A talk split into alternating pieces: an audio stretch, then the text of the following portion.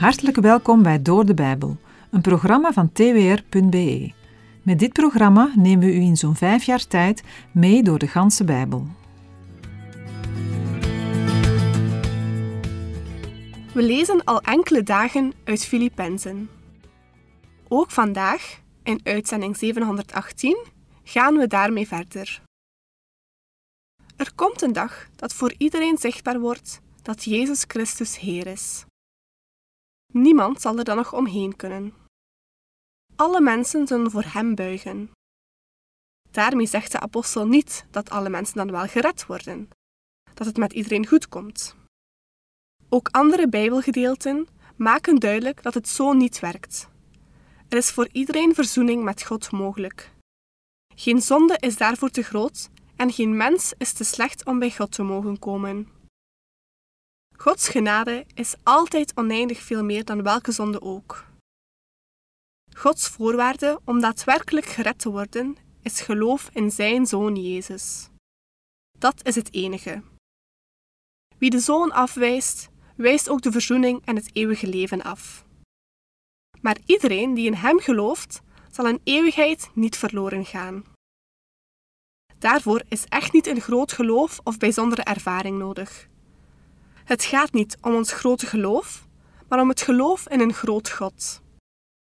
Hij ziet elke aarzelende hand die naar hem uitgestoken wordt en pakt die vast.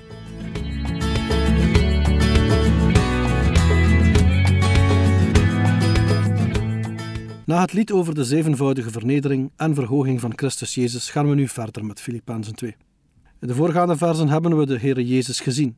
Hij is een voorbeeld voor ons. Daarom brengt Paulus ons nu weer terug in de realiteit van het leven.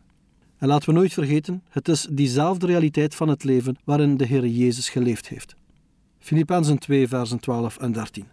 Daarom, mijn geliefden, zoals u altijd gehoorzaam geweest bent, niet alleen zoals in mijn aanwezigheid, maar nu veel meer in mijn afwezigheid, werk aan uw eigen zaligheid met vrees en beven. Want het is God die in u werkt, zowel het willen als het werken, naar zijn welbehagen. Deze woorden verwijzen naar het voorbeeld van Christus.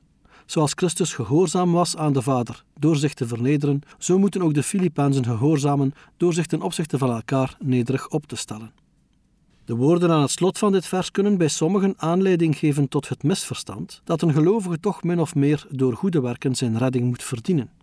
Maar we weten ondertussen dat men alleen gered is door genade. De oproep om te werken aan geestelijke disciplines roept altijd de vraag op of dat niet haak staat op uit genade leven. Dat is een terechte vraag. Maar genade staat tegenover verdiensten. Het staat niet tegenover inspanning. Onze inspanning is het resultaat van wat de Heilige Geest teweegbrengt. Onze redding vraagt om onze inzet, maar dan niet om vergeving of rechtvaardiging te ontvangen, wel als het gaat om vernieuwing. Ook in 2 Petrus 1, versen 5 tot en met 7 staat: En daarom moet u zich er met alle inzet op toeleggen om aan uw geloof deugd toe te voegen, aan de deugd kennis, aan de kennis zelfbeheersing, aan de zelfbeheersing volharding, aan de volharding godsvrucht, aan de godsvrucht broederliefde en aan de broederliefde liefde voor iedereen. De zaligheid is toekomstig. De zaligheid is er nog niet, zolang we in deze wereld leven. En als Paulus zegt dat daar moet aan gewerkt worden, zegt hij dat men nooit klaar is met groeien, of dat we niet mogen stoppen met groeien. We hebben allemaal onze groeimogelijkheden. We hebben allemaal onze verleidingen en strijden. In het specifieke geval van de Filipijnzen kunnen we denken aan de onderlinge oneenigheid. Dit bewerken moet gebeuren met vrees en beven. Het is ieders verantwoordelijkheid om zich ervoor in te zetten zo goed mogelijk het einddoel te bereiken. Als je echt met en voor de Heere leeft, dan zal dat ook je intense verlangen zijn. Voor de Filippenzen geldt verder ook nog, of Paulus nu aanwezig is of niet, hun inzet moet voortkomen uit ontzag voor God en niet uit ontzag voor Paulus. Niet Paulus moet de reden zijn voor een onderlinge verzoening van de gelovigen in Filippi, zij moeten zelf het belang van dit herstel inzien. Zij moeten een respectvolle houding tegenover elkaar hebben. Filippenzen 2 vers 14 Doe alle dingen zonder morren en meningsverschillen. In de volgende versen werkt Paulus uit wat het leven in gehoorzaamheid aan Christus en het bewerken van het heil concreet inhoudt. Allereerst roept hij hen op bij alles wat zij doen het morren en het elkaar tegen te werken achterwege te laten. Paulus bedoelt hier niet dat de gelovigen nooit meningsverschillen mogen hebben. maar deze mogen nooit een barrière vormen voor een hartelijke en liefdevolle omgang met elkaar. Filippenzen 2, versen 15 en 16.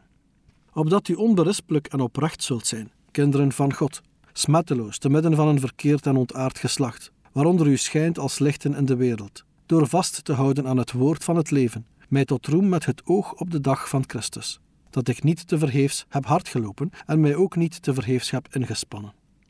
Als je morren en meningsverschillen geen kans geeft, is er ruimte voor alle positieve uitingen die hier genoemd worden.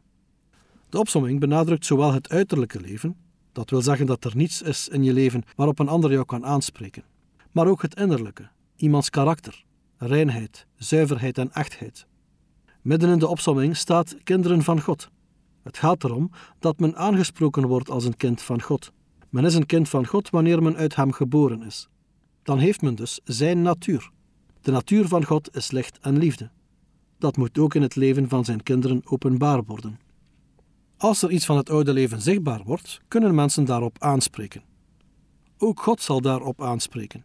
Als de Filippenzen nederig zijn ten opzichte van elkaar, zal van de ontstane eensgezindheid een enorm getuigenis uitgaan naar de hen omringende wereld. Paulus' oproep om als zuivere, onschuldige kinderen van God te leven geldt ook voor het heden. Het gaat hier niet om een volmaaktheid bij de wederkomst van Christus. Tegenover deze uitingen, die als doel hebben om te schijnen, staat een verkeerd en ontaard geslacht, met wie de gelovigen moeten samenleven. Het is ook vandaag een uitdaging om zich daarmee niet te vereenzelvigen, maar juist te schijnen door anders te zijn. Toch zal de eenheid en harmonie van de gelovigen in een wereld vol zonde en disharmonie niet onopgemerkt blijven. Gelovigen zullen vasthouden aan het woord dat het leven geeft, dat is het evangelie, waardoor mensen eeuwig leven ontvangen. Als de Filippenzen het evangelie dat Paulus hen verkondigd heeft vasthouden, zullen zij op de dag van Christus, dat wil zeggen bij zijn wederkomst, als het werk van Paulus wordt beoordeeld, hem tot vreugde zijn, en is al zijn werk onder hen niet voor niets geweest. Paulus weet dat hem rekenschap zal gevraagd worden van zijn prediking. In 1 Korinthe 4 vers 5 schrijft hij Oordeel daarom niets voor de tijd, totdat de Heere komt. Hij zal ook wat in de duisternis verborgen is aan het licht brengen en de voornemens van het hart openbaar maken. En dan zal ieder van God lof ontvangen. Filippenzen 2 vers 17 Maar al word ik ook als een plengoffer uitgegoten over het offer en de bediening van uw geloof, ik verblijd mij en ik verblijd mij met u allen. Een offer dat op de grond werd uitgegoten is een pleng- of drankoffer. Het werd altijd gebracht als aanvulling op een gewoon offer. Paulus past het toe op zijn eigen leven. Het is niet zo dat hij extra lijden vraagt, maar als dat toch komt, dan wil hij door zijn dood God een extra aanleiding geven om zich te verheugen. Voor Paulus is het vooruitzicht om te moeten sterven geen schrikbeeld. En ook zijn huidige lijden draagt hij met vreugde. Want door beide wordt Christus verheerlijkt. Tegelijkertijd verheugt Paulus zich met alle Filippenzen over hun bereidheid zichzelf helemaal aan de Here te geven. Filippenzen 2, vers 18. En u verblijdt zich ook daarover, verblijd u dan met mij. Dit zet de gedachten van vers 17 voort. Zoals Paulus zich verheugt om zijn eigen offer, lijden of martelaarschap, en dat van de Filippenzen, volkomen overhaven aan de Here, zo verwacht hij van de Filippenzen hetzelfde. Zij moeten zich verheugen, ook als ze zelf moeten lijden. Bovendien moeten zij zich niet uit het veld laten slaan als Paulus lijdt of moet sterven. Verblijden of zich verheugen is een van de kernwoorden van de brief aan de Filippenzen. Het gebruik van de gebiedende wijs geeft aan dat het om een blijvende opdracht gaat. Het mag duidelijk zijn dat deze blijdschap voortkomt uit een gerichtheid op en een geloofsverbondenheid met de Heer. In Filippenzen 4 vers 4 zullen we het volgende lezen. Verblijd u altijd in de Heer. Ik zeg het opnieuw, verblijd u. Filippenzen 2 vers 19 En ik hoop in de Heer Jezus Timotheus spoedig naar u toe te sturen, opdat ook ik goedsmoeds mag zijn als ik van uw zaken weet. Vanuit zijn geloofsverbondenheid met de Heer Jezus heeft Paulus de verwachting Timotheus binnenkort naar Filippi te kunnen sturen. Timotheus werd door Paulus wel vaker uitgezonden als zijn persoonlijke afgevaardigde. Hoe snel Paulus Timotheus kan sturen is volgens vers 24 afhankelijk van het verloop van het proces. Het is de bedoeling dat Timotheus weer naar Paulus teruggaat om hem te informeren hoe het met de Filippenzen gaat. Het doel van Timotheus' missie is om, als hij terugkomt, Paulus te bemoedigen door te vertellen hoe het met de Filippenzen gaat.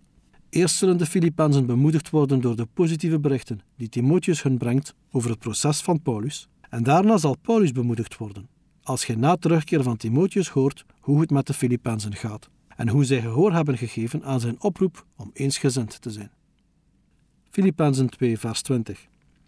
Want ik heb niemand van gelijke gezindheid die oprecht voor uw zaken zorg zal dragen. Timotheus blijkt de meest aangewezen persoon te zijn voor deze opdracht. Paulus bedoelt met deze woorden dat Timotheus hetzelfde voelt als hij, gelijkgezind is, zodat Timotheus namens Paulus in Filippi kan optreden. In 1 Timotheus 1 vers 2 zullen we zien dat Paulus Timotheus zijn geestelijke zoon noemt. Timotheus zal geheel in de lijn van Paulus voor de gemeente zorg dragen. De omstandigheden van de Filippenzen gaan ook Timotheus ter harte. Filippenzen 2 vers 21 Want zij zoeken allen hun eigen belangen, niet die van Christus Jezus. Het is onduidelijk wie Paulus met allen bedoelt. In 2 Timotheus 1 vers 15 schrijft hij Dit weet u dat allen die in Azië zijn zich van mij afgekeerd hebben. Tot hen behoren Phygellus en Hermogenes. Het is mogelijk dat Paulus ook andere medewerkers naar Filippi heeft gezonden, maar zij hebben na aankomst partij gekozen in het conflict. Daarmee konden zij de ruziemakers niet tot elkaar brengen. Met het niet zoeken naar de zaak van Christus bedoelt Paulus dan dat zij zich niet hebben ingezet voor verzoening tussen broeders en zusters. Het is ook mogelijk dat Paulus niet kon beschikken over medewerkers, omdat zij geen tijd of zin hadden om naar Filippi te gaan, of omdat ze hem hadden verlaten uit eigen belang. Ten slotte kunnen we ook denken aan de jaloerse predikers uit Filippenzen 1, die zich van Paulus hadden afgekeerd. Al predikten zij Christus, zij waren uit op eigen belang. Filippenzen 2, vers 22. En u kent zijn beproefdheid, dat hij met mij gediend heeft in het evangelie, zoals een kind met zijn vader. Niet alleen Paulus wist dat hij Timotheus kon vertrouwen, ook de Filippenzen konden het weten. De Filippenzen weten hoe Timotheus beproeving heeft doorstaan en volharding daarin werkt beproefdheid uit. Bij deze woorden kunnen we denken aan jarenlange trouwe dienst, maar ook aan vervolging. Toen Paulus de eerste keer in Filippi kwam, was Timotheus al bij hem. Na het vertrek van Paulus uit Macedonië bleven Silas en Timotheus er nog een tijdje achter om verder aan de opbouw mee te werken. Paulus zag zich als de geestelijke vader van Timotheus. In 1 Korinthe 4 vers 17 zegt hij Daarom heb ik Timotheus naar u toegestuurd, die mijn geliefde en trouwe zoon is in de Heere. Hij zal u in herinnering brengen mijn wegen, die in Christus zijn, zoals ik overal in elke gemeente onderwijs. En in 2 Timotheus 1 vers 2 schrijft hij Aan Timotheus, mijn geliefde zoon, genade, barmhartigheid en vrede zij u van God de Vader en van Christus Jezus, onze Heere. De vader-kindverhouding geeft inhoud en kracht aan het werk dat verricht moet worden en het vormt het kind. Een kind is leergierig en doet na. Het is prachtig om in Paulus en Timotheus een harmonieus samengaan van een oudere en een jongere gelovige te zien. Zij hadden nog nooit gehoord van een generatieconflict.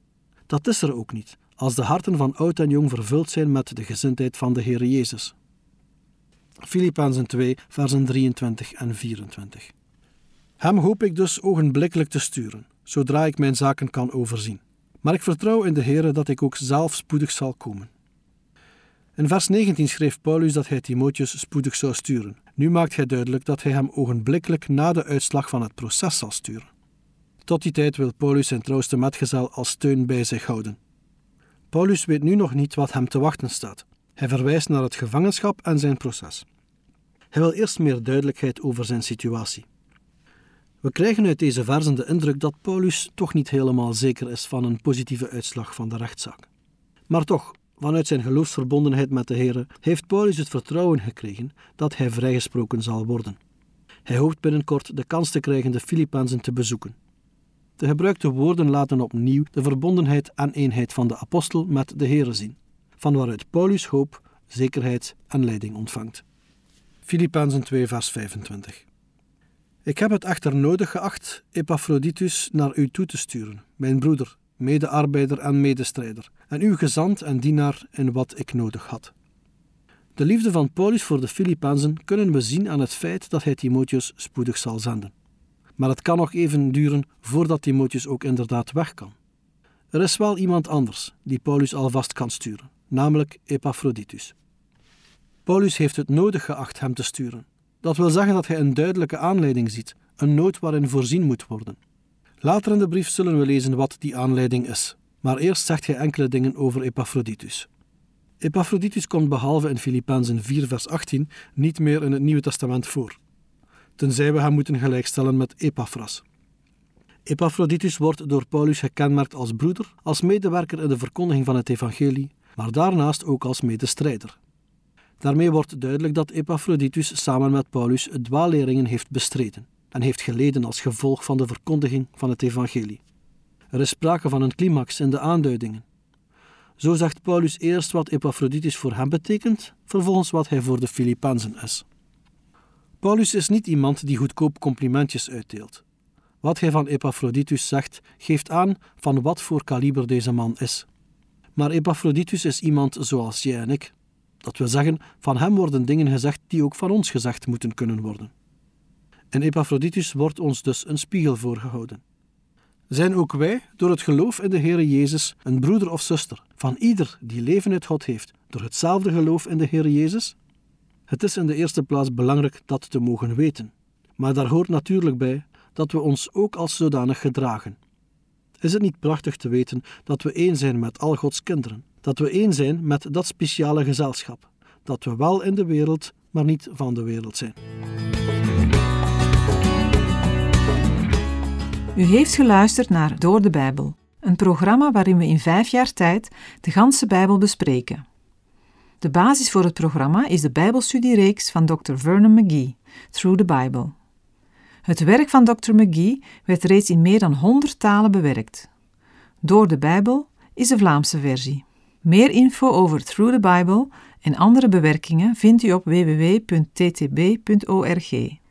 Bovendien is bij de productie van het programma dankbaar gebruik gemaakt van de studiebijbel van het Centrum voor Bijbelonderzoek. De studiebijbel online werd gebruikt voor research en wordt ook met toestemming regelmatig geciteerd. Meer informatie vindt u op www.studiebijbel.nl. Wij raden een abonnement op de Studiebijbel-app aan, als u nog dieper op de Bijbel wilt ingaan. U kan elke werkdag naar een nieuwe uitzending luisteren en u kan ook steeds voorbije uitzendingen opnieuw beluisteren of downloaden. Als u wilt reageren op deze uitzending of u heeft vragen, dan kunt u uiteraard contact met ons opnemen. U kan een e-mail sturen naar doordebijbel.twr.be. Verder kan u op onze site terecht www.twr.be voor meer info en het beluisteren van onze overige programma's. Dit programma werd gepresenteerd door Patrick Couchement en Anne Notenboom. Wij danken u voor het luisteren en graag tot een volgende keer.